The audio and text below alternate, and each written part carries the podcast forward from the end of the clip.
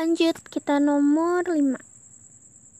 Kira-kira alasan apa sih kenapa ekonomi umat Islam itu belum dipraktikkan oleh umat Islam sendiri? Nah, ini mungkin banyak banget nih pertanyaan dari orang-orang yang masih belum mengerti. Contohnya juga kayak gue gitu dan gue men berusaha mencari uh, mencari sumber-sumber dan jurnal-jurnal yang menjelaskan tentang kenapa sih ekonomi Islam itu sendiri? Dan akhirnya gue ngerti dan gue membuat referensi sendiri.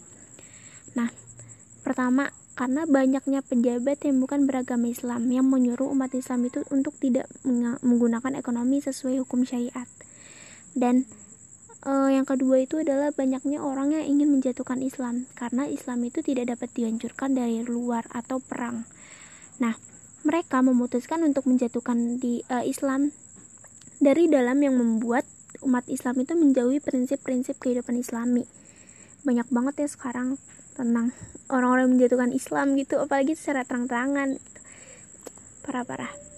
Dan yang ketiga adalah banyaknya orang yang serakah harta sehingga mereka tuh melakukan cara demi apa pun mendapatkan uang. Contohnya seperti riba. Riba itu nggak boleh sebenarnya dalam larangan agama gitu.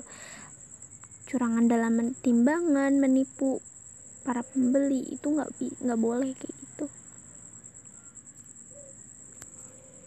Dan ya menurut gue syarat-syarat atau kriteria tentu nih pasti adalah dalam sistem ekonomi Islam.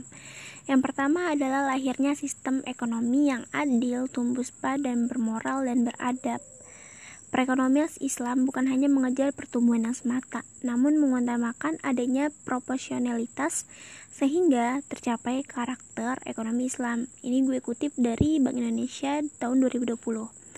Yang kedua adalah jujur, tidak melakukan pekerjaan atau transaksi yang mengandung riba.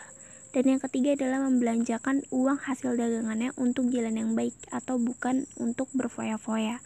Dan yang keempat adalah mendapat moral modal dan dari uang yang halal. Bukan hasil dari curian ya atau dan sebagainya